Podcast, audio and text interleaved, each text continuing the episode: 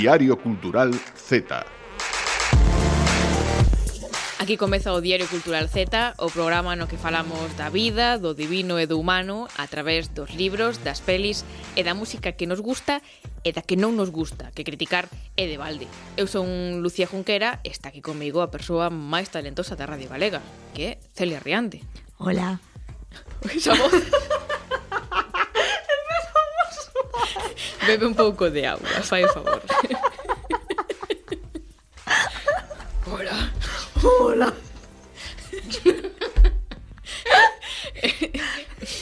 Colouse o outra voz, non? Parece ser que temos outra persoa. Poderíamos comezar a gravar de novo, pero non, vai quedar isto así. Eh, Arrepíntome xa de decir a persoa máis talentosa, pero oh, que tal, Celia? Eh, Ay, hola, para acompañarnos, como estábamos moi abandonadas, temos tamén a Erika. Hola, Hola Erika. Hola. Que voz, que esa sí que é unha voz de radio. Esa sí que é unha voz. Eu intentei, non. Eu creo que eh, estaba celosa, dixen, eu sí. tamén vou facer unha voz. Eso que tes unha botella de agua diante. Sí, totalmente. Vergoña. o sea, eso que o que é peor que esta entrada. Penso que pode ser peor a túa sección de hoxe. Empezamos mal, non vendas así as cousas. É que, ai, de, de verdade, a semana pasada estábamos todos contentísimos co, cos nosos 25 programas, unha, un peliculón aí profundidade con Alcarrás. Eu Una que... de cal e outra de arena. Eso, eso é a miña sección. Que bonito. Pasamos de Alcarrás. Canta claro. Que é unha película preciosísima que nos mm. encantou, mm. nos emocionou. Mm a outra película preciosísima mm. que é Barbie a princesa da costureira. Mm -hmm. Para iso temos a Erika aquí, porque a costureira chamase Erika, entón sí. traemos a Erika únicamente claro. para comentar esta película. Claro, xusto. Esa está, solo eso. Como dicía, non temos a Silvia, quen queira meu dito que escoita os anteriores ou que agarde para a semana que ven. Que xa mole. Non podemos ter todo todo sempre. É o que hai. Eh, si sí temos colaboradores, temos esta semana a Tamara Andrés, uh -huh. que nos vai falar un pouco dende a perspectiva Z sobre Florencio Delgado Gurriarán. Tamara Mellor. As letras galegas de Best. Tamén temos outro que é de Best, que é Jesús Silva, que Tamén. vai falar de vai falar con Cristina Yáñez sobre un proxecto moi chulo que ten de, de facer unha curta. E imos comezar coa intensidade. Tan, tan, tan. Coa, coa miña intensidade, a miña opinión eu non vou dicir que é de merda porque é fantástica. ¿Qué? Nada. Que? Iba a decir que a miña misión sempre é baixarlle, baixarlle a intensidade deste programa, ti xa ya subes. Eu comezo falando de correspondencia privada ou non privada e logo xa escutaremos a Celia falar de Barbie. Comezamos.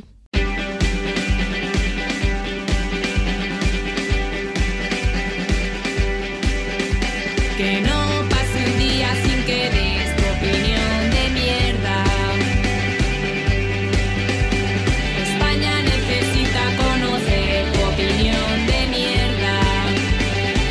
Estando en primaria, tiven unha mestra que de tarefa nos facía escribir un diario. A min aquilo resultábame aburridísimo. Que tiña de interesante a miña vida con nove anos? Supoño que facía todos os días exactamente o mesmo. Cambiaría pois o menú, os xogos aos que decía dedicarme cada tarde e supoño tamén que algún día pois inventaría para parecer que facía cousas extraordinarias. Que sei eu, ir de excursión ao Everest, comer cocodrilo ou cousas así. Pero en xeral Escribir un diario sempre me pareceu unha cousa tediosa e monótona. En canto deixou de ser unha obrigación na miña vida, deixei de escribilo. Viña isto a conto dun aspecto interxeracional no mundo cultural que é o interese por ler a correspondencia privada e os diarios de escritoras, actrices, cantantes e xentes das artes en xeral. Eu non teño en posesión nin lin nunca nada dese estilo. Hai moitísimos exemplos e quería falar deles porque teño opinións contradictorias. É algo que nos gustaría ler de determinados personaxes? Sí, que cotillas aquí somos todas. Agora, é algo que me gustaría que a xente lese de min? Non. Teño ya prezo os meus pensamentos íntimos e privados e non é algo que me gustaría que andivesen mans alleas cando eu morra. Aproveito para deixar constancia por se algún notario no futuro precisa referencias de primeira man.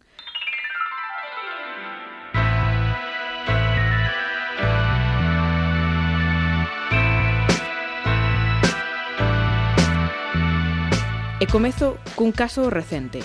O 2021 foi o ano do centenario do nacemento de Emilia Pardo Bazán. Entre as moitas cousas que se fixeron para recordala e espallar a súa obra, estivo a publicación dunha serie de cartas que intercambiou con Benito Pérez Galdós.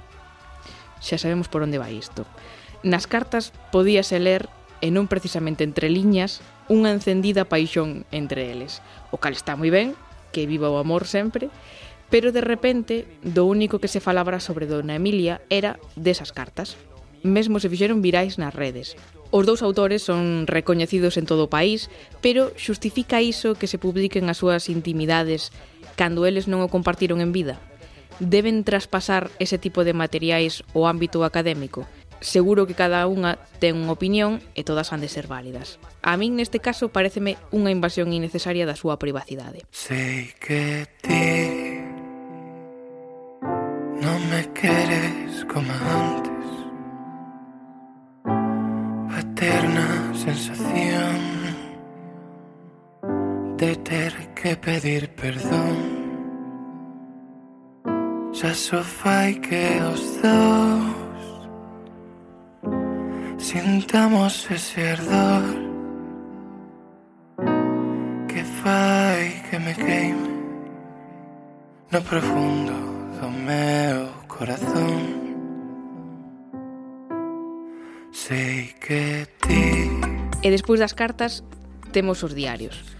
Ollo, que non biografías nin autobiografías. A publicación íntegra dos escritos máis íntimos dunha persoa, algo que só compartiría consigo mesma, como os sentimentos máis escuros, os inconfesables. É o caso de Alejandra Pizarnik. A poeta argentina comezou a escribir a súa vida aos 18 anos, E nas primeiras páxinas xa se pode ler sobre os seus desexos de morrer, sobre esa necesidade de quitar a súa propia vida, que consumaría aos 36 anos. Hai unha fina capa que separa a súa obra poética desta máis persoal. Nos poemas vemos esa busca da morte, esa insatisfacción, a inquedanza de vivir, pero a poesía emprega recursos que os diarios, por moi literarios que sexan, non. E baixo esa forma diferenciou o que quería publicar do que non, pero os diarios chegaron tamén á imprenta e ás librerías. Por que non quedar coa súa poesía? Moito máis de min E quizás xa só canto para non sufrir Outro punto de vista cara a estes diarios, correspondencias, etc., coñecino a través dunha editora de Planeta, Andrea Toribio, que ten un podcast que se chama La amiga eres tú. Comentaba que a todos nos encanta escandalizarnos de novo lendo a correspondencia entre Pardo Bazán e Pérez Galdós, porque qué gracioso que se digan cousas excitantes e demais, pero cando nos poñemos no caso dunha escritora lesbiana, como por exemplo Carmen Martín Gaite, O que interesou sempre foi precisamente o contrario, ocultar e borrar a súa memoria. A intimidade entre mulleres, sexa do tipo que sexa, é disidente. E Andrea fixo a súa tese de doutoramento sobre esta autora e a través dos seus diarios danos a coñecer unha Carmen Martín Gaite que os manuais de literatura non ensinaban.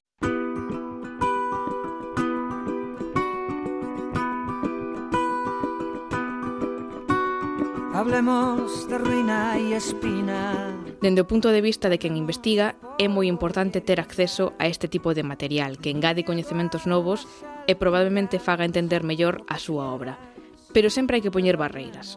Restringir esta información máis privada ao ámbito académico, compartir con público datos de interese, pero sempre respectando a privacidade das persoas, estean vivas ou mortas. Non por ser escritores hai que publicar todo o que escriben, ou sí, non é conclusión a que poida chegar. Ímolo deixar nun final aberto. Bebamos para no vernos y hablando para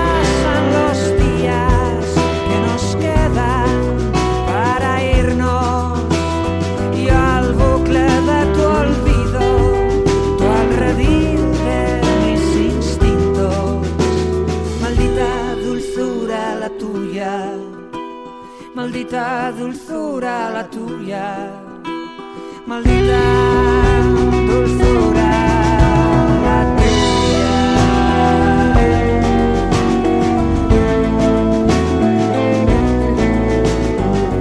Diario Cultural Z.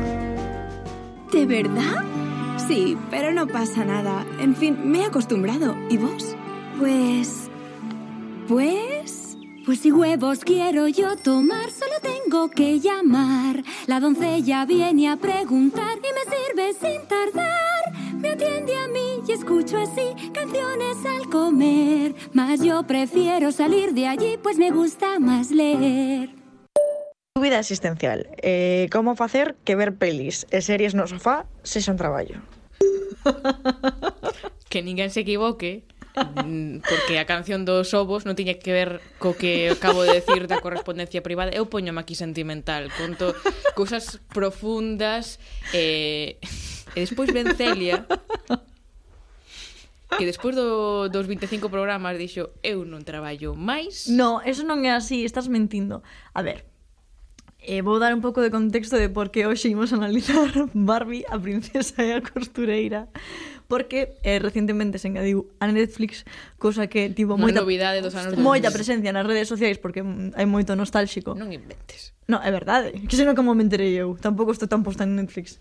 A cuestión, hai moita nostálxica como a min, eh, como non había unha película no cine que me, que me interesara especialmente, pois dixen, tampouco vou eu eh, desbotar os, os cartos, non?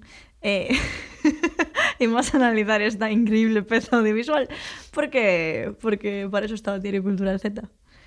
Eh, para iso para que? Para analizar a Barbie a princesa costureira. Vale. Eh, unha canción que marcou unha xeración. Deixando unha canción, xa, no, unha peli. Deixando xa patente a miña protesta cara eh, esta deriva da túa sección, teño que decir a película maravillosa. Ou sexa, eh, un fito da miña infancia. Ollo non quero atacar a ningún colectivo, pero a os que fixeron a dobraxe desta película é unha dobraxe lamentable. Eu non a recordaba tan mal. o sea, cuidado. Pero, mm, dime. Estamos, estamos, estamos eh, facendo unha cousa mal. Que? Que, que estamos aquí. Sí. Ti e eu. Sí. Soas. Sí. Abandonadas por Silvia unha vez máis. Efectivamente. Porque se ve de vacacións. Sí. Parece esta, bonito. Esta chica está máis de vacacións que na radio. Uh -huh pero xa lle buscamos substituta. Efectivamente. Puntual. É unha voz que apareceu nalgún Z. Eu penso que na tempada pasada algo fixo. Sí, normalmente están informativos. E que é unha chica moi seria. É unha chica moi seria, pero sí. hoxe sae pero... da súa zona de confort para Pero, o Día claro, Cultural Z é que se enterou, enterouse de que ibas falar de Barbie claro. e dixo, eu teño que estar aí. Ves? É que eu son unha princesa Hola, costureira. é que si, sí, unha se chama algo así como ahora Aramis, creo. Se, igual Mira, me estou, igual me estou, en ningún Z. Eh. Igual me estou confundindo con Aramis sí, Fuster. Sí, sí, sí. Falando de baile. A ver, podes deixarme falar de Barbie. De, falando de Z, de bailes. Sí, pode no, ser, zetas. pode ser. Logo non dá tempo. Zetas. Bueno. Zetas. Total. Dalle. Eh... Agora sí. Vou, vou vol, mm, volver a unha sección que deixamos un pouco estancada, que era Celia lendo as súas notas do móvil.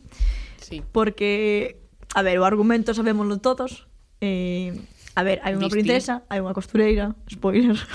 Unha rica, unha pobre. Son unha é rica, outra é pobre, son moi, é dicir, son iguais, unha co pelo loiro, outro día, e outra morena. E é unha bonita metáfora sobre sobre a igualdade, non? Entre ricos e pobres. Bueno, total. Mm. vou, vou ir un pouco co, co que teño que comentar da película. E hai un problema no, no popo no que viven, que non me queda claro cal é o nome, é unha monarquía, vale? Cousa que isto pasa moito en, en Disney. A, a romantización ver, das monarquías é algo que nos gusta. Se é unha princesa, eh, imaginábamos que era unha monarquía. Ti sí. vas de lista, pero a cuestión. Teñen unha mina, vale? De, ouro. de que? En teoría de ouro pero quedas en ouro. Agora é mellor ter unha de coltán. Bueno, a cuestión, por favor, Lucía. Total, sí. que quedas en ouro e a raíña fíxate ti, que está moi preocupada polo povo, que non por ela, eh? Porque vese que o povo, claro, debe papar dese ouro, sí. Tasti que sí. Entón, eh, decide que como non, xa, como non teñen ouro xa, vai vender a súa filla. e di... Que? Bas, Básicamente, o sea, din, bueno, non te preocupes, ara, Aramis ou Aralis ou como, te, como se chame a, a moza, que hai un monarca que busca matrimonio e podemos pactar ese, ese matrimonio para salvar o povo e a nosa familia real. Entón, xa empeza mal. Sí, non sí, me gusta. Sí, bueno, é que todo isto non, non o recordamos cando temos o recordo da película, pois non este é que non, o record, non é que non o recordemos, é que non nos damos conta. Claro. De nada diso, cando vemos as películas. A canción coca iniciou a min gustame moito personalmente porque unha aí está contando basicamente como está escravizada nun, nun obradoiro de, de costureira e, e a outra estalle dicindo ok, entendo os teus problemas, entendo a problemática, pero fíxate ti que a min gustaría ter máis tempo para ler, porque entre recibir a, aos traballadores que me traían o almorzo á cama, eh, que despois teño que recibir non sei que visita, non me dá tempo de todo. Baixar a mina. a coller o ouro. Entón, claro. eh, problemáticas problemáticas de distintos mundos, ¿no? Que a mí faime gracia porque xa che digo, está dicindo eu un, día a día, pois tráeme os ovos, gústame, gústame esta situación. Despois, eh, hai ladróns de ouro. Creo que por eso a mina queda sen ouro. Pareceme entender. Moito tiñan que roubar fai, claro, faime gracia porque Moi primeiro, pequena era a mina. Sí. eh, e faime gracia porque indignase moitísimo como se non estivese facendo exactamente o mesmo a raíña, pero bueno, vamos deixar eso para outro día. Hai un montón de, de canciños bastante cutreiros. Mm, é que, claro, estamos na radio e non podo amosar unha imaxe, pero eu animo a todas as esas persoas que veron Barbie, a princesa costureira, a volver a darlle unha visualización a... Unha visual. unha visual para ver esa increíble animación, ensino aquí, o can... Netflix agora Curses. permite poñer a, a reproducción en por dous e esas cousas, Sí, non? sí. Pois pues, eu, eu poñería así. Sí, sí, totalmente. Máis emocionante. Despois, eh, hai un momento no que hai, falan dun mineral, moi, moita presencia de minerais. Coltán que non falan deso, falan que da non existía. pirita de ferro. E a raíña chamalle o ouro dos tontos. Cosa que me fixo moita gracia. Porque me parece un pouco heavy. De verdade, vale. chama... Sí, sí, sí, teño apuntado aquí, porque son cosas que me chaman a atención. É como o presidente de Iberdrola, dicindo que son sí. tontos. Sí, que son tontos, literalmente tontos. o mesmo. Que queren pirita desta. De sí, sí, literalmente tontos. o mesmo. Hai unha escena que cando se coñecen a, a princesa e a costureira, que é porque baixan ao que a vila, non? a, non sei, a, creo que a por vestidos, por, para o obradoiro da costureira, claro. Total. Están vendo a familias que literalmente as están embargando. e a raíña ponse moi triste, en plan, oxalá fose eu alguén con poder sí. como para evitar que estas cousas pasaran. Isto mm. isto dache para pensar porque é algo que sigue acontecendo. Total. eh, hai unha trama secundaria que non me interesa demasiado e non quero darlle importancia.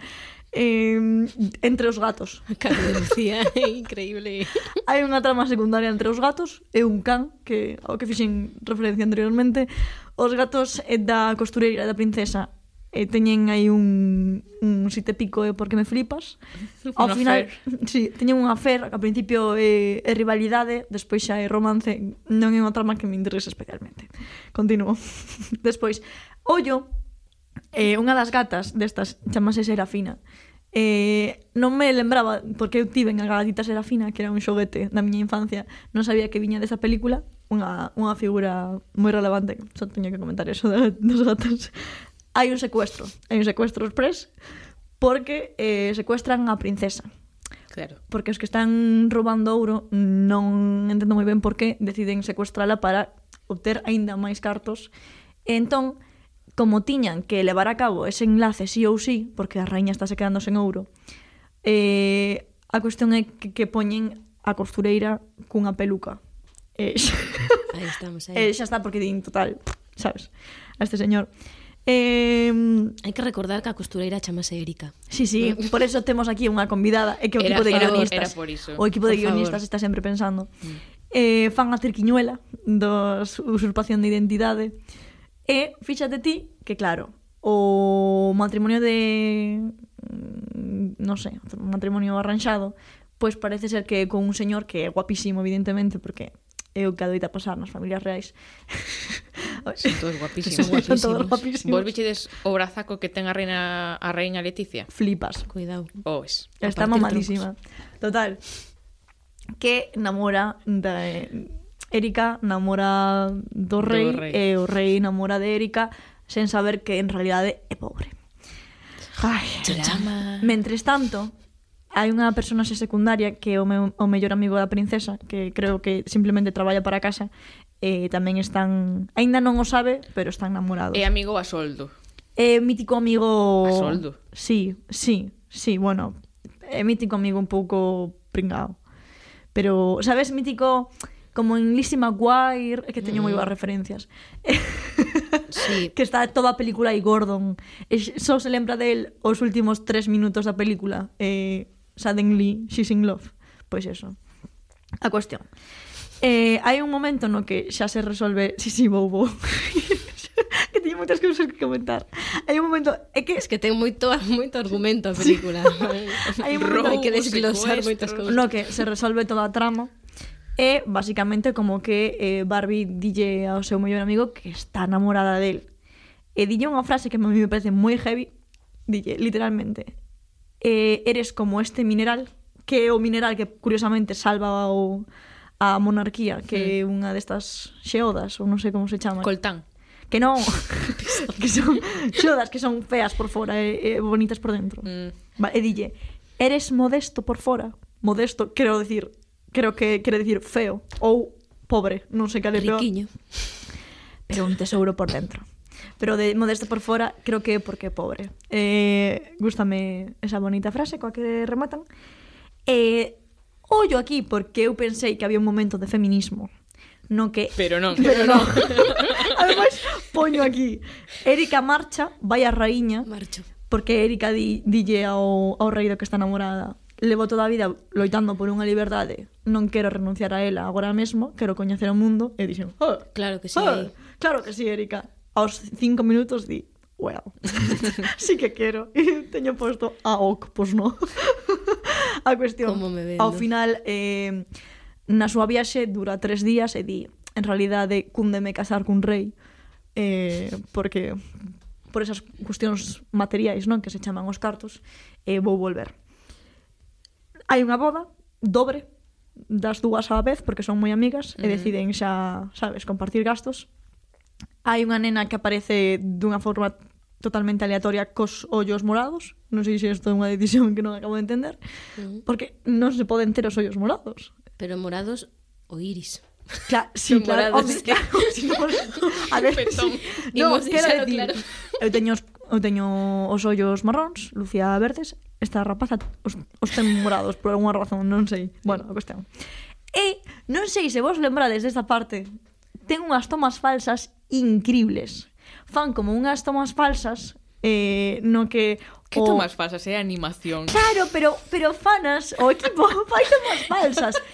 É como que lle sona un teléfono a Barbie, fai breakdance o wow, príncipe. Wow. Eh, sí, sí. Es que é outro nivel, eh? Pero isto é algo que se leva moito, porque eu creo que en, o príncipe fai en Toy Story tamén fan isto. Erika. Ves? Sí, sí. Eh, total, moralexas desta película. Uf. Os pobres tamén choran. Eh... No, os pobres no son os ricos. Os ricos tamén, vale. que me estou liando? Os ricos tamén choran. Eh... Mm, eres modesto por fora, pero un tesouro por dentro. E tamén mereces... Estás dicindo a min? Sí, pero tamén mereces amor se eres un gato. Eh, con isto o pecho. pero teño unha dúbida, eh. Uf. Dime. Dime. O final, Erika casa co rei sí, e Barbie sí. casa co seu mellor amigo sí. que é pobre. Sí. Que na, na, na mesma, ah, porque claro, aquí vai a cuestión. Ela vese nun... É a raíña suicida. suicida nunha decisión, porque... vese nunha decisión moi difícil porque a nai dille, ok, vale que o queiras, pero a parnela é a parnela. Claro. Que facemos? Claro. Ela di, tranquila, porque descubrín no meu secuestro que a mina non ten ouro, pero ten xeodas así que non pasa nada se este tío non é un partidazo porque imos ter cartos igual. E a nai di, ah, entonces sí. Mm. E fan unha unha boda doble é increíble, aparece a rapaza outra vez, insisto, pois pues dos ollos Erika, dos ¿no? vermellos no, no, morados, eh? Que belleza aí a Erika. A todo o mundo. É unha, é unha película interesante, Eh, Muy interesante. animo ao, a audiencia do Diario Cultural Z Cabeixa Pero estamos de acordo en que a mellor é Barbie o Lago dos Cisnes. Sí. Estamos pues sí, porque Erika estaba defendendo a, a do Cascanoces ou Quebranoces ou non sei como se di. Sí. Como sería a adaptación. As dúas. Sí, pero... A combinación das dúas. pero eu diría que a Lago dos Cisnes é a mellor. Eu non sei por que Netflix non... Por que puxeron esta únicamente? A ver, esta é bastante icónica, pero... Pois nada. Pois así. Pasamos de Alcarrás a isto, eh? A verdade. ¿eh? Agora que viña tomar Andrés a salvarnos un pouco deste declive. Grazas, Celia.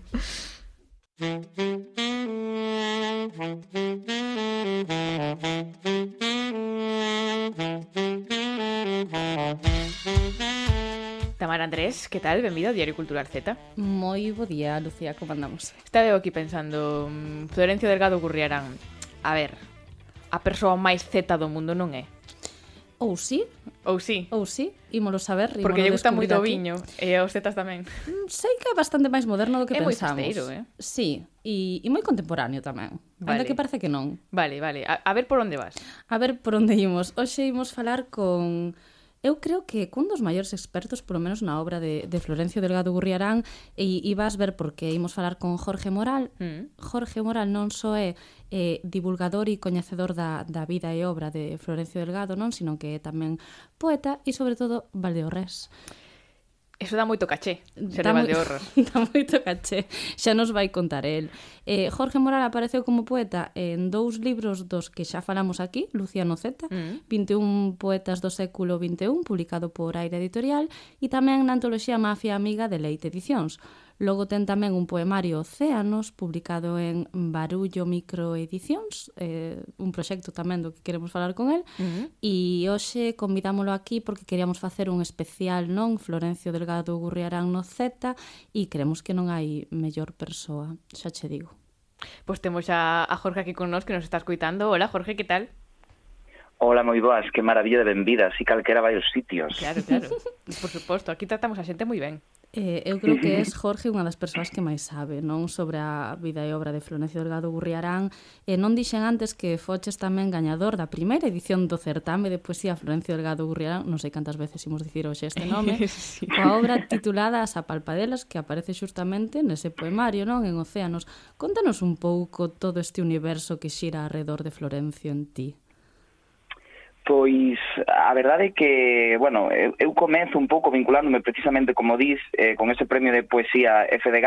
Eh, eh, bueno, no 2018, que xa pasou eh, un pouco de tempo dende aquelas, eh, a verdade é que, bueno, tamén sendo de Valdeorras, Florencio está un pouco nesta órbita literaria e un pouco no espazo e no, e no ambiente pero foi unha cousa, pois eso, conforme o tempo irme un pouco informando e eh, a verdade é que agora estamos contentísimas porque claro, con este recoñecemento das letras temos unha publicación, un torrente de, de, de libros, de biografías eh, pois nada, simplemente pois, interesándome pouco a pouco na historia eh, e sobre todo dando moitísima tabarra con Florencio, recital que houvese, microaberto que tivésemos, eh, facendo ese traballo de, de incidencia cultural eh, porque claro, as letras de Florencio, como ben decimos non sempre, tamén son as letras de, de Valdeorras. Sí. Este autor eh, era polo xeral descoñecido, non? Pro público galego, eh, pero ti, o ser de Valdeorras, supoñemos que xa tiñas algunha relación con el. Como entraches ti en contacto co seu universo, lembras? Pois, claro, a verdade é que nós, eh, a mí, se son sincero, non? A primeira vinculación formal que eu teño con Florencio é asistindo a, eh, todos os días case eh, a Biblioteca Pública Florencio Delgado Gurrerán. Eh, entón, claro, pois a partir de aí eh, bastante máis sinxelo, pero aínda que eso non fose tampouco coñecido para o público eh, galego, o público valdorrés tamén por, por este tema de que non tiñamos moita obra publicada, tamén non tiña hai unha, unha falta de coñecemento e sobre todo de coñecemento en profundidade.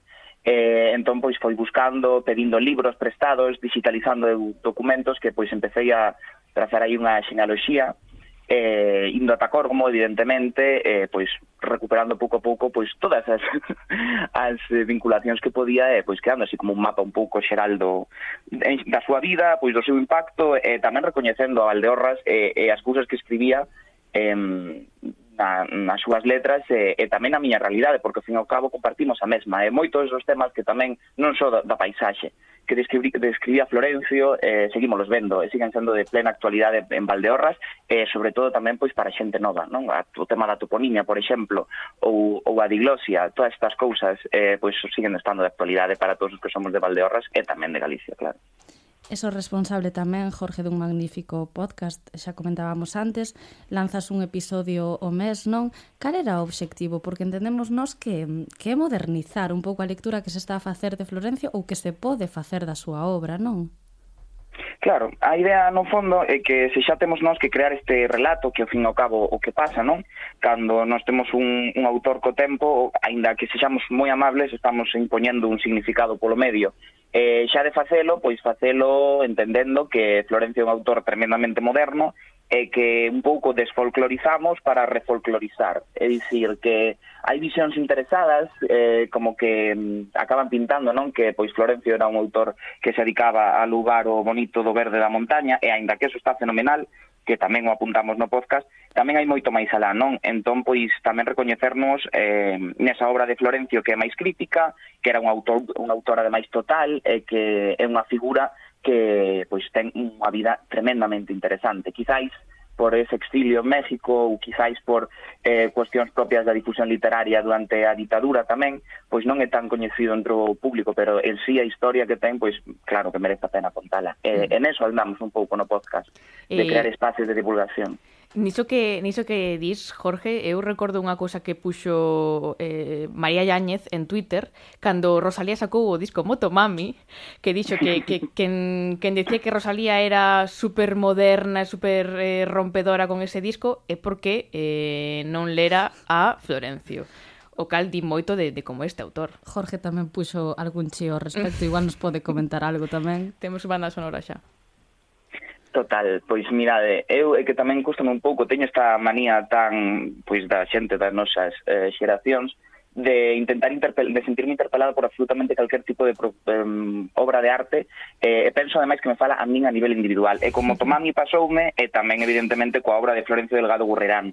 E hai como unha actitude un pouco non eh, pois moi proclivo ao cambio, a experimentación que eu sento que tiña Florencio, pero que tamén está moi conectada coas, coas súas raíces ou con entender a tradición. E eu penso que Florencio que facía literalmente iso, non? Isto de cando eh, Rosalía dicía que, por fin e ao cabo, que collésemos unhas fixeiras e que fixésemos o quixésemos cos vestidos, era un pouco tamén a, o achegamento de, de Florencio a, a partes da súa lírica, malia que despois era unha persoa que escribía e eh, escribía verdadeiras cancións de, de, pero da nada.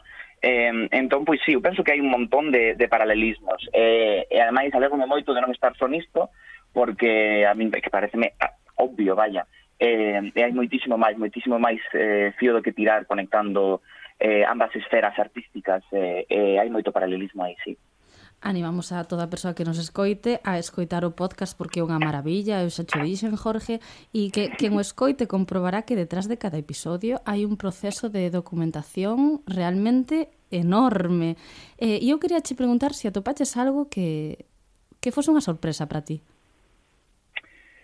eh, pois a verdade é que ademais animo eh, xa de paso tamén a non só escoitar o podcast sino en sí a, a mergullarse un pouco neste mundo de, de biografías, de publicacións, de antoloxías que temos que hai para todas as idades eh, e que a verdade é que ofrecen todas visións de Florencio que verdadeiramente eh, son sorprendentes, é dicir, é unha viaxe que podemos facer todas un sábado sentados na casa eh, e a verdade é que hai un montón de, de espazos e eh, uh, eu, pois, a nivel individual se me dicen un euro por cada vez que mando unha foto por WhatsApp dicindo, madre de Dios, mira que cousa acabo de encontrar eh, pois a verdade é que está completamente chea eh, non solamente a obra en sí eh, dende referencias completamente contemporáneas eh, na, na lírica de Florencio de repente fala dos soviets a, bueno, a en sí pois simplemente pois emocións que sentimos, temos sentido todos, non? Queixándose sobre que as matemáticas son complicadas ou eh, procrastinando eh, eh, no momento no que decía, por exemplo, que él se quería adicar a Galicia eh, por iso suspendía as oposicións. Eu creo que son eso, emocións interpelables e que sentimos todas. Imos mudar agora de carreiro, eh, imos falar dese fanzine, proxecto editorial, comunidade, mocidade Valdeorresa. Falaos un pouco do proxecto Barullo. Pois mira, tamén segundo 2018 eh, respondemos a chamada por Instagram e outras redes sociais eh, e había como dous proxectos de, de creación de fanzine que acaban cristalizando neste barullo que ademais xa así como por definición non somos unha cousa heteroxénea, unha mistura de xente moi diferente. Eh, dende entón, pois, temos editado seis números, feito un especial, tres microeditoriais, que é como a nosa oportunidade de que algunhas autoras pois tivesen un espacio máis propio, e organizámonos asembleariamente, e somos un proxecto autoxestionado, o con todo o que eso significa, e buscamos, intentamos ser un pouco un, pois, un punto de encontro desas novas creadoras valdiorresas que igual non nos toman moi en serio aínda en determinados círculos ou non queremos nós tampouco tomarnos en serio, mm. e xuntar eso pois disciplinas, se alguén fai pois lírica, pois vai no, no fanzine, poñémolo normalmente en contacto e en relación pois con xente visual, incluso nestes últimos números xa temos feito cousas en, en, en arxila, por exemplo, non de deseño, e eh, incluso en varios idiomas, co que, bueno, o que buscamos ao fin e ao cabo é armar barullo, é dicir que temos cousas que dicir precisamente. E publicastes agora o sexto número, non, Jorge? Sí, agora cabe de sair o sexto número que estivemos esta fin de semana do 7 do 8 de maio na feira do libro do, do Barco de Valdeorra está facendo por ali a presentación. E, e pois nada, con cada numeriño facemos un, un evento, de, sexa un micro aberto ou ou unha mm, jam sesión de música, ou neste caso, pois eso, eh, ir a dar unha tabarra, ou neste caso, a unha feira do libro, e, eh, eh, pois sí, están todos os números de balde nas, eh, en internet, eh, porque liberámolos conforme van saindo, Así que se alguén quere que vamos, está máis invitado a, a seguirnos e a curiosear por redes sociais. Dar a tabarra e armar barullo. Pareceme dous conceptos maravillosos. Pois sí, sí que son. Estivemos aí eh, conceptualizando nome durante moito tempo, había como moitas ideas, e eh, cando chegamos todos colectivamente a idea do barullo, eh, subemos que era, era ese ningún máis. Pois temos por un lado a Florencio, por outro lado a Jorge o seu barullo, o seu podcast, o seu universo, así que temos aí en Valdeorras todo un, un filón literario eh, que, que parece que acabamos de descubrir un pouco no resto de, de Galicia, pero que leva aí existindo e, e armando barullo moito tempo. Temos que fixarnos máis en Valdeorras, Tamara. Desde logo. Moitísimas grazas por presentarnos a Jorge. Recomendamos de novo o seu podcast sobre Florencio, que aquí teño que dicir nesta radio serviu nos de moita inspiración. Non imos dicir que copiamos, porque eso está feo, pero sempre sempre está aí de inspiración. eh, Jorge, moitísimas grazas por acompañarnos hoxe no Z. Nada, vos pola invitación. Grazas, Tamara. Como sempre, un placer. Hi. I just want to say hello. I was just taking a walk. In this deepness we belong to. In Spain we call it soledad. In Spain we say it's amargura. In Spain we say ay me desangro. In Spain we say que coño hago. In Spain we say joder que largo. In Spain we call it soledad.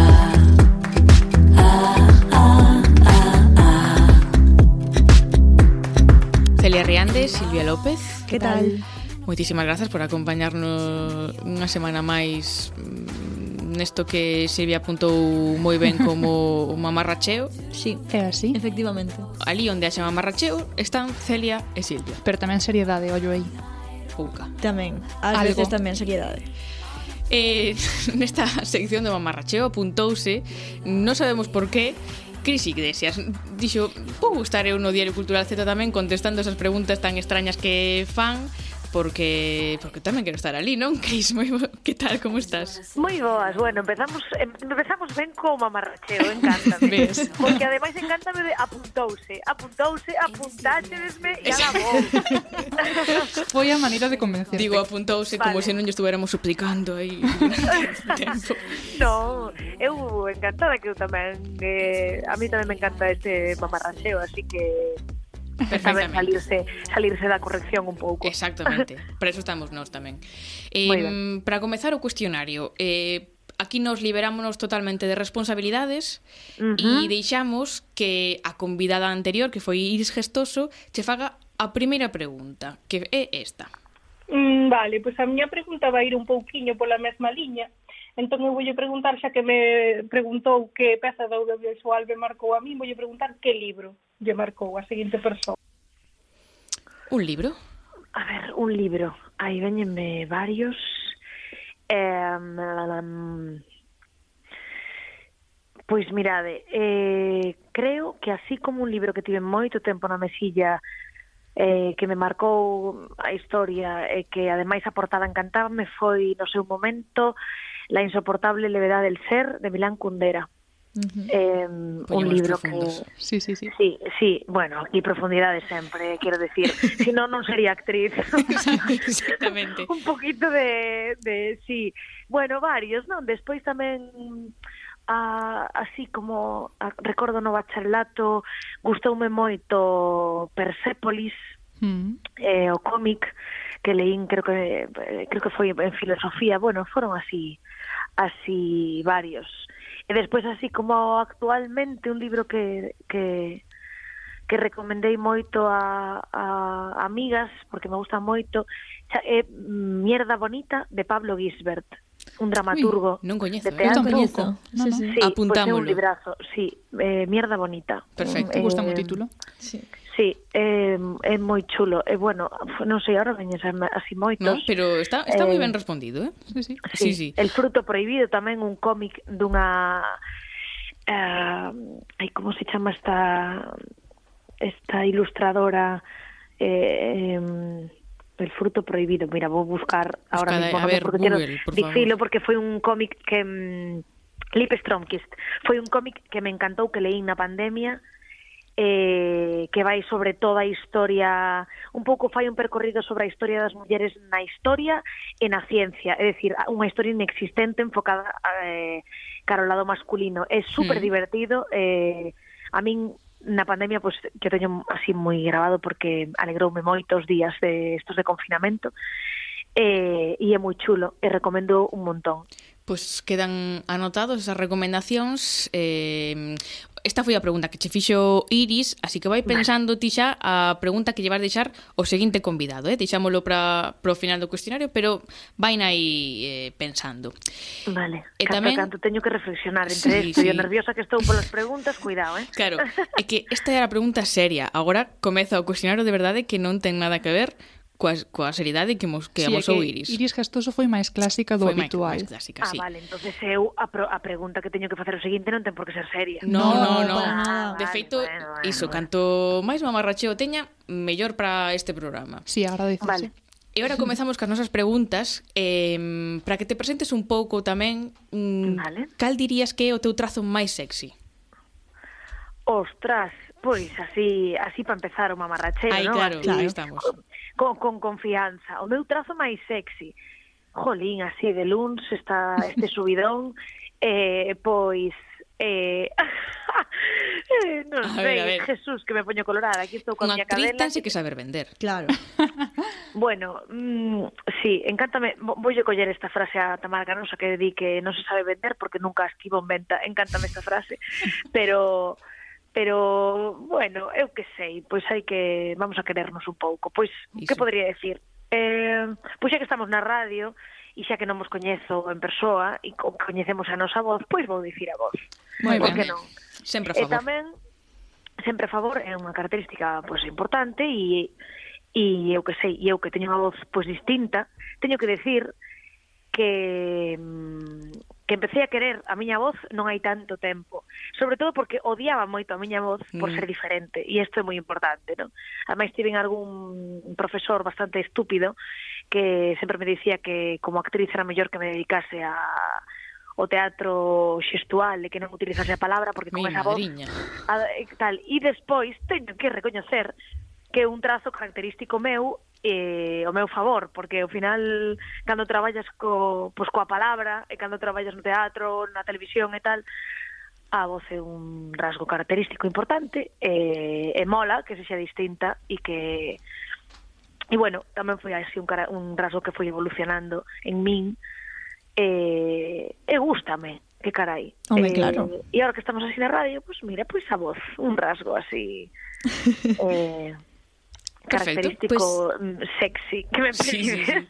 con ese con ese rasgo sexy imaginas que, que imagina que coñeces a alguén ou seduces a alguén coa túa voz onde, uh -huh. onde levarías a esa persoa nunha primeira cita para impresionala? Ai, a ver, onde levaría? Pois podría levala ao teatro, por exemplo, moi ben. porque o cine leva que todo o mundo, pero o teatro non.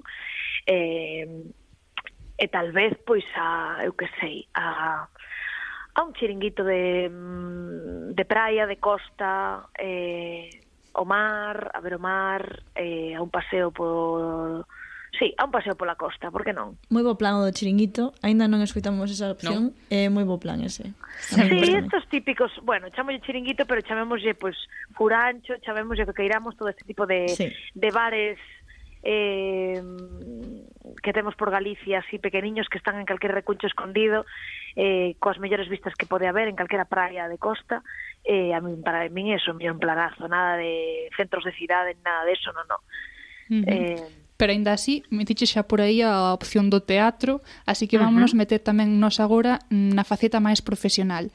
Dinos, Cris, tres imprescindibles no teu starter kit como actriz wow, oh my god, eh, tres imprescindibles. Eh, en, como, a ver, vamos a explicarnos.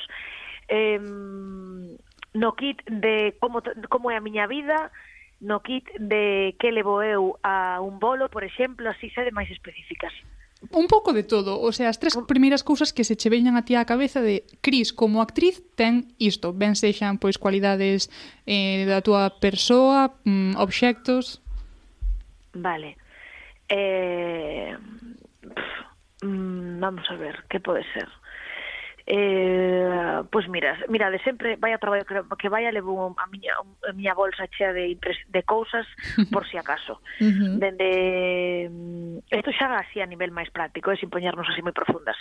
Así dende pois un un neceser con pastilleo por si de repente me pasa calquera cousa, tipo que me quede sin voz porque me dé un, un, un super agobio, unha ansiedade, un estas cousas, eh, ata algo para botar pos golpes, ata cousas de abrigo porque eu son moi friolera, pode haber de todo nesa saca.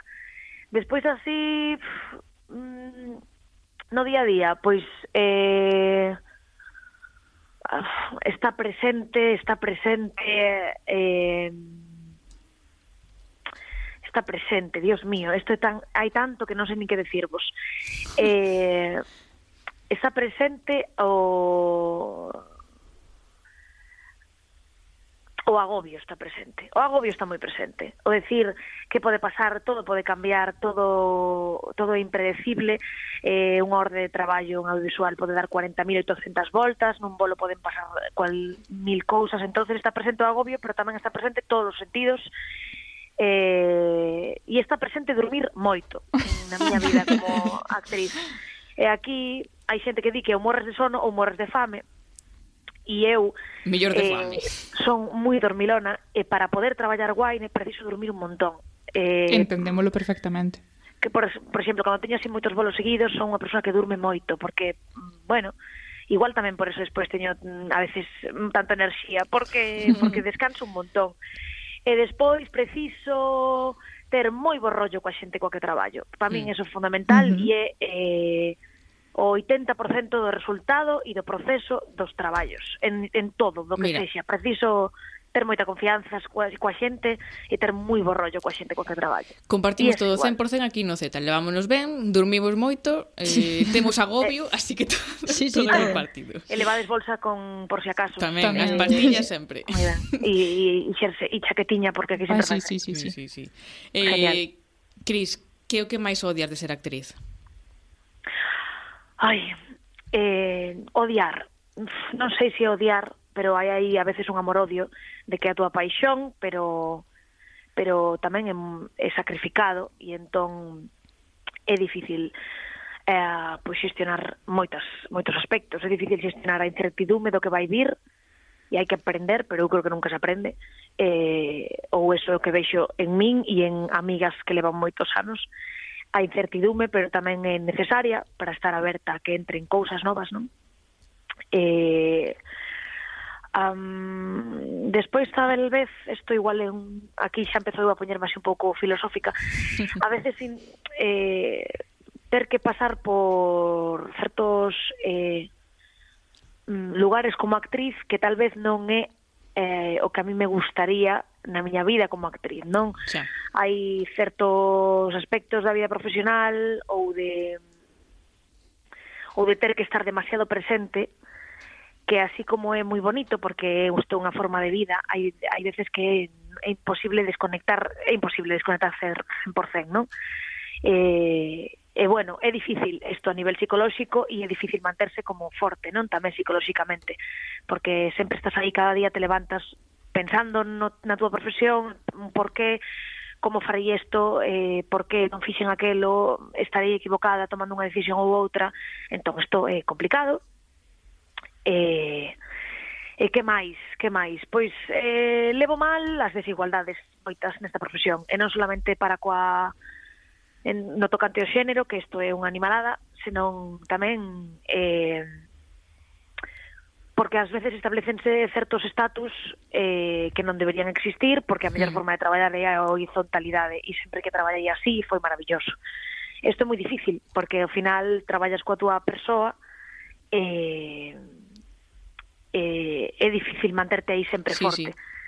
E despois, pois, eh, tamén costame un pouco precisamente isto, o feito de ter que manterte sempre forte. Eu que, bueno, eh, considero e tamén sei que, que, que que cara fora, e non digo que non sexa unha persoa forte, pero teño unha personalidade forte, eh, parece que sempre te tens que manter aí. Eh, eu son unha persoa super sensible, que todo me afecta un montón, e que parece que sin algún momento, falo por min e por un montón de compañeiras e compañeiros, se caes porque tes algún problema persoal ou que sexa, isto non está permitido, non? Eh, ou igual fas un traballo peor que outro, polo que sexa, e parece que non se permite, non? O feito de estar aí sempre exposta eh, é moi, eh, bueno, é moi exixente. Pero... Silvia, eh, sí, Silvia, dispara un mamarracheo que nos estamos poniendo sí. moi profundas. Co, coa seguinte, perdón, pregun perdón. Coa seguinte Veña, pregunta non, sí, non quixeramos fora. alimentar a competitividade no sector, pero queremos algo de salseo. Entón, en que actor ou en que actriz non te queres converter? Quen é o teu antirreferente? Jesús. eh, non, non sei. Eh, Jesús María. Pero así non ten tampouco que ser de por, por aquí, pode ser algo exterior.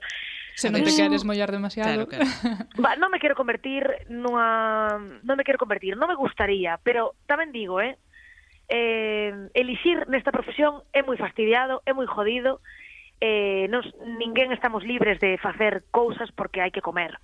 Pero non me gustaría convertirme nunha actriz eh, frívola, non me gustaría frivolizar co meu traballo, entendo que a veces pues, está complicado porque o que digo, eh, manter a cordura aquí é complicado, pero non sei, evito vou me mollar así un pouco, pero hacia Veña, min mellor. A ver, a ver. Eh, non me quero convertir e non quero que me convirtan e non, non me gustaría caer aí en, en actriz influencer, non, non quero eso. Uh -huh. eh, creo que respeto mogollón o traballo das influencers, eh, e é un traballo como outro calquera, pero creo que o meu traballo está noutro lugar. Uh -huh. Entón, eh, pois non sei, menos ofrecernos cousas gratis por por Instagram e máis darnos curro e e estas cousas. Entón non me gustaría caer aí nesas redes, nunca mellor dito. Eh, porque aparte a min pásame algo que como que con todo este tema das redes e isto, inda que son millennial eh, son bastante poucos e me dá fatal. eh, e eh, sí, e confúndeme porque a veces digo, jo, cando estás currando non hai tempo, sabes? Eh, e non me gustaría que se que se impoñese tanto non este tema. Pero bueno, non sei, pérdome así un pouco En todo caso, non me gustaría así como caer aí. Uh -huh. Escapou moi ben de decir nomes, me escapou moi ben. Jova, é, que, é difícil, é, é difícil, sei. sabémolo. Sí, e é, e é moi fastidiado, xa vos digo, é, é moi fastidiado xulgar neste curro, mm, sí, sí. porque todo o que vemos probablemente non ten nada que ver coa realidade eh, e precisamente estar expostas é ben jodido porque por eso, porque do que se ve o que realmente é e o que sabe Dios polo que tiveches que pasar, eh, bueno, así que sí, sí. mellor escapo de, do que non me gustaría ser a min. Claro. Eh, Cris, foi un auténtico placer terte de convidada eh, pero ahora tesnos que deixar unha pregunta Sabemos que é difícil porque o nivel das nosas está moi alto Así que para o seguinte convidado ou convidada que non sabemos quen é unha pregunta Vale, a ver um, escoito o tic-tac aquí, aquí eh? eh, unha pregunta. Picante. Mm, picante, Jesús. A ver. Eh, estades fuertes así de 12 da mañá de luz, eh? Estamos as pantas eh, tamén con todo, eh? No, no, non vos vexo de resaca eu a vos, eh? estades no. espabiladísimas. a ver, non sei. Um, mm, ah, mm, A ver, deixa de pensar algo que teña que ver coas redes ou algo así, o último que acabo de contar. Ah, que pasaría uh -huh. se Esto, claro, pode ser... A, a quen intes, eh, entrevistar pode ser actor, actriz... Pode, claro, pode, pode ser... Non, pode ser calquera personalidade, o sea, non... Sí, da cultura ah, galego, máis ou menos da mm, unha idade nova, nova. pero calquera.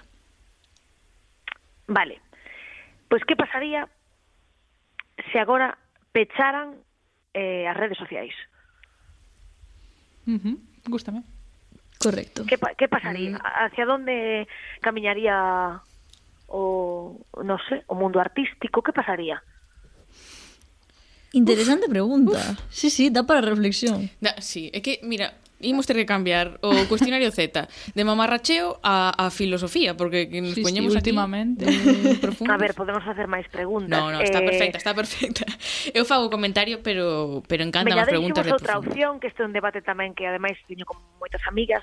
Eh, que opinas sobre Tinder e se tivo Tinder? Veña, que seguro que vos mola. Creo que collemos vale. as dúas, eh? Sí, imos ben as dúas. Total, están relacionadas, non? Claro, entón, sí. Vale, nos pues, ven as dúas. Porque, a ver, ahora mismo se si caera Tinder, cuidado, eh? Tamén. Cuidado. A verdade que sí, non o quero pensar eh, Cris Iglesias, moitísimas grazas por prestarte a fazer este cuestionario con nós e eh, moitas grazas vale. polas túas reflexións Nada, eh, pois pues así, ahora quedo, quedo así como enganchada de que quería y seguir mamarracheando un pouco así de luz, pero grazas a vos. Mira, eh, quedamos para a segunda parte. Veña, veña, por que non? Diario Cultural Z.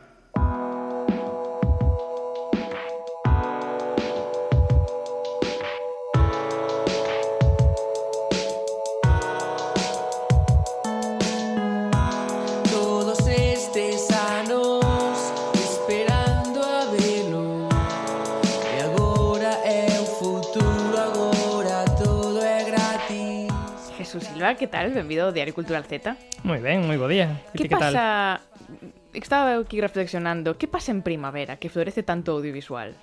Pois non sei, a verdade, debe ser, si non, eh, esta época na que todos queremos sair e amosar cousas, non? Todo o que estivemos traballando nos meses de inverno recollidos e é sí. o momento de, de recoller os froitos, non? A mes parece que chegou case o verán directamente. Sí, sí, directamente. Entón, eh, estábamos co Carballo Interplay, estamos de festivais. Efectivamente, eh, na última intervención falamos un pouco do Festival Carballo Interplay e do concurso de webseries, e hoxe imos continuar eh, no eido dos encontros de cine galegos porque a semana que ven celébrase a 19ª edición do Festival de Cans, mm en mm-hmm. Porriño. Eh, como está correndo, ademais, con moitos outros eventos, tra a relaxación das medidas sanitarias, Cans volve con forzas renovadas este ano, eh, organizando preto de 40 actividades que van dende proxeccións a roteiros, eh, pasando por concertos, exposicións ou coloquios. E todo isto mantendo sempre eh, como selo de identidade sí. o seu particular concepto de agroglamour que, que instauraron ali.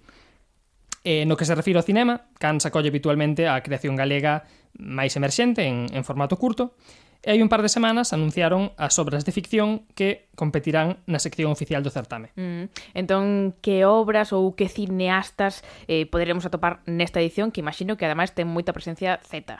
Pois sí, efectivamente, hai, hai un pouquiño de todo. Eh, tenemos un total de 12 obras, eh, incluindo 10 estreas en Galicia, entre eh, as que atopamos pois dende nomes xa consolidados, como poden ser eh, Lois Patiño e e Matías Piñeiro, con Sicórax, mm. eh, nomes como Eloi Domínguez Serén, con Rompente, xente que xa pasou polo Z, como Lucía Estevez con O Niño dos Paxaros, e tamén outras directoras novas emerxentes como Laura Cotelo con Xineceo ou Cristina Yáñez con Dúas Cores. Lamentablemente, como non era posible pois conversar con todas elas no programa de hoxe, e tivemos que, que limitarnos ao, a unha convidada e temos a sorte de contar hoxe con Cristina Yáñez para falarnos da que é a súa segunda curtametraxe. Logo xa as outras podemos deixarlas para outros programas, eh? aquí temos tempo para todos. Pero presentamos entón a Cristina Yáñez Borrajo, que é do, do Barco de Valdeorras, naceu en 1996, estudou Comunicación Audiovisual na Universidade de Vigo e o ano pasado marchou a Madrid a estudar un mestrado en guión. Durante a súa etapa universitaria, pois xunto a outras compañeiras de facultade, fundou a produtora audiovisual Loba Films, coa que colaborou en distintos proxectos. No 2019 dirixiu a súa primeira curtametraxe Na memoria da túa esposa, coa que buscaba reflectir pois a soidade das mulleres de avanzada idade no rural tras a perda dun ser querido E como acabamos de comentar, está a punto de estrear a súa nova corta Dúas Cores no Festival de Cannes, así que damos xa benvida a Cristina, que tal? Benvido ao Diario Cultural Z. Hola, hola, que tal? Bueno, Cristina, moitas grazas por, por estar hoxe con nós. Eu quería saber antes de nada como recibiches a noticia da, da selección en Cannes. Pois a verdade é que moi contentos todos porque sí que non, non, non quizá non nos esperábamos porque Si que estivéramos o vai dous anos na sección de, de cans de novas camadas, pero claro, esta vez eh, aspiramos a intentar entrar na oficial e eh, foi como unha notición, porque, a ver, mm. tiñamos esperanzas, evidentemente, pero non pensábamos que podía ser que sí ou que non, e, eh, e a verdad moi contentos todos. Alegrámonos, parabéns por, por la selección. Eh, non sei se si queres, en primeiro lugar, falarnos un pouquiño brevemente, ¿no? de que sería a, a sinopse de, de dúas cores. As dúas cores eh, trata de dunha nena que, que vive nunha aldea e que pois pasa todo o inverno e bueno, casi todo todas as estacións, excepto verán, esperando a que chegue a súa mellor amiga de vacacións de verán a, a aldea na que ela vive para poder xogar con ela e disfrutar pois do verán e eh, Eh, e pois eh, a súa eh, xogar coa imaginación basicamente. Mm. mm. Eh, é ben curioso porque, bueno, eu tiven a sorte de, de ver as, as dúas dúas curtas, tanto a primeira como esta, e, e dúas cores case semella como como unha especie de resposta ¿no? ao teu filme anterior, como a outra cara da moeda, de algún xeito, ¿no? en tanto en canto a protagonistas sí. como temas... Sí, ao final sempre me gusta tirar pois iso por o, por o rural, por pois o que pode de tratar, basicamente. Eh, na memoria da tua esposa sí que trataba pois de algo máis triste que eu pois, a pérdida dunha persoa e tal, pero con dúas cores e que quería mm, que se vise ben como a outra cara, basicamente, sí, do bonito que pode ter, do que é que veñan os teus amigos en verán e poder disfrutar e pasalo ben e, e xa está. Ademais, polo que teño entendido, eh, dúas cores ten algo ou moito, non sei, eh, de autobiográfico, non? Sí, basicamente, eh, a nena protagonista chamase Cristina. Eh, e a outra nena chamase Laura, que basicamente a miña mellor amiga, e de feito ela axudoume moito a escribir o guión, porque consistiu en facer reunións e recordar en plan, va, pois acórdate te verán que fixemos isto ou isto outro, ao final casi toda a obra foron cousas que fixemos durante todos os veráns da nosa vida. E como foi, podes contarme un pouco, que me parece moi interesante, o, o proceso de casting para, para topar a esas nenas, non sei canto tempo estiveches buscando, como, como foi? Pois estivemos bastantes meses, a verdad. Eh, mm. sí que tiña claro que, que quería que Cris fose Claudia, Claudia Basallo, porque xa coñecera nun festi que coincidíramos, eh, parecíame que tiña un desparpajo e un e unha forma de ser que me coincidía moitísimo co personaxe de, de Cris, pero sí que quería que a outra nena eh, non fose non tivese experiencia de actriz, non quería pois contrastar un pouco a experiencia coa inexperiencia. E aí sí que fixemos un casting, un casting que consistiu en primeiro que nos mandaran uns vídeos cada, cada nena, pois con un fragmentiño do guión, eh, que era unha escena cos walkie-talkies, e eh, eh, fuimos vendo os vídeos, eh, liximos como un par de nenas, e aí sí que xa fixemos como videochamadas, porque claro, coa pandemia non nos podíamos xuntar nin nada. Mm. Entón tivemos lo que facer pois por videochamada e tal, e aí atopamos a Xira, que parece unha unha nena que é encantadora de, de todo, de verdad. Mm. E eh, ademais das dúas nenas eh, están dúas grandes actrices nesta, nesta curta como son Melania Cruz e Mela Casal. Como foi eh, contar con elas? Foi sinxelo ou é eh, máis mm, máis sinxelo as actrices que as nenas? Non, para, o sea, con elas é todo sinxelísimo porque Dende o primeiro momento, bueno, Mela xa traballara con ela en Na memoria da tua esposa, e xa tiña claro que se quería ter outra boa, quería que fose sí. ela, e con Mela é un disfrute total, era simplemente leo o guión e di, vale, son este tipo da boa, non? E ti, sí, tal cual. e con Melania pois igual, Melania chegou e dixo, vale, esta é mi, miña filla, non?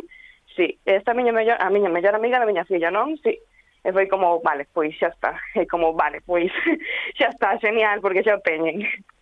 Na verdade que é un luxo, eu penso que, bueno, que, que as dúas teñen, bueno, son, son cameos, pero é un, un traballo maravilloso que fan tamén, eh, tamén de deixarlle espazo ás nenas, que ao final son as protagonistas. Eh, eu quería tamén saber un pouco como traballaches, no? esa idea da, da dualidade, no? que ven ata do propio título, no? esas dúas cores, temos tamén dúas linguas, eh, na curta, quería saber un pouco cal, cal era o enfoque que, que seguiches aí. Mira, das dúas linguas era algo que quería que tiña claro que quería que sí ou sí, pois o personaxe de Cristolas en galego e a outra nena en castelán, porque pois porque sempre se di, ou non, é que non te entendo, non, é que, pois, mira, mm, eu durante toda a miña vida, coa miña amiga que viña de lonxe, falaban galego, ela entendíame perfectamente. Entón, pois era algo como que dixe, non, isto vai ser así, porque se estas dos, dúas nenas se poden entender, non será tan complicado, digo eu, non? e, eh, e nada, pois sí, sí que quería que... Pero porque tamén a miña mellor amiga, eu somos así, eu son como máis tirada pa diante, pode ser máis pilla de pequena, pode ser. Ela era como máis modosita, máis vergonzosa e tal, e sí que quería plasmar ese tipo de do, dúas personalidades en dúas nenas, pero verlo como tamén a outra pois deixa tirar se deixa tirar por por, por a máis tirada para diante, a outra, sabes, como que me me gustaba xogar con esas dúas personalidades. Mm. Eh, estamos falando de dúas cores que a, a curta que vas a estrear agora en Cans, pero xa pensando no, no futuro, que non somos moi apurados, tes algún proxecto en mente? Estás traballando algo? Agora mesmo eh, quería facer outra curta mm. que Ainda non sei moi ben por onde tirar, si que creo que teño claro que gustaría probar facer unha comedia. Vale. Pero sigo en proceso de pensar un pouco. Sí que creo que quero que sexan persoas máis da miña idade, 25 ou así, e tamén me gustaría que fusen dúas rapazas outra vez. Dúas rapazas que se reencontran eh, nunha fea ou algo así de festa, pero ainda non sei moi ben por onde tirar, pero estamos aí. Claro. No, es que traballa moi ben entre todas as xeracións. Sí, no, sí. totalmente, totalmente. Nada, paso, paso a paso, de momento centrarnos no importante, que dúas cores. E eh, nada, agradecerche de novo que, que sacaras tempo para falar con nós e sobre todo desexarche a mellor das sortes eh, en Kansas a semana que ven. Nada, moitísimas grazas a vos por contar conmigo. Grazas, Cristina. E Jesús, vémonos polos festivais. Efectivamente, vémonos por alá. Todos estes anos esperando a velo E agora é o futuro, agora todo é gratis. Cada vez máis grande, cada vez máis fácil. Agora hai de todo e xa non queda naide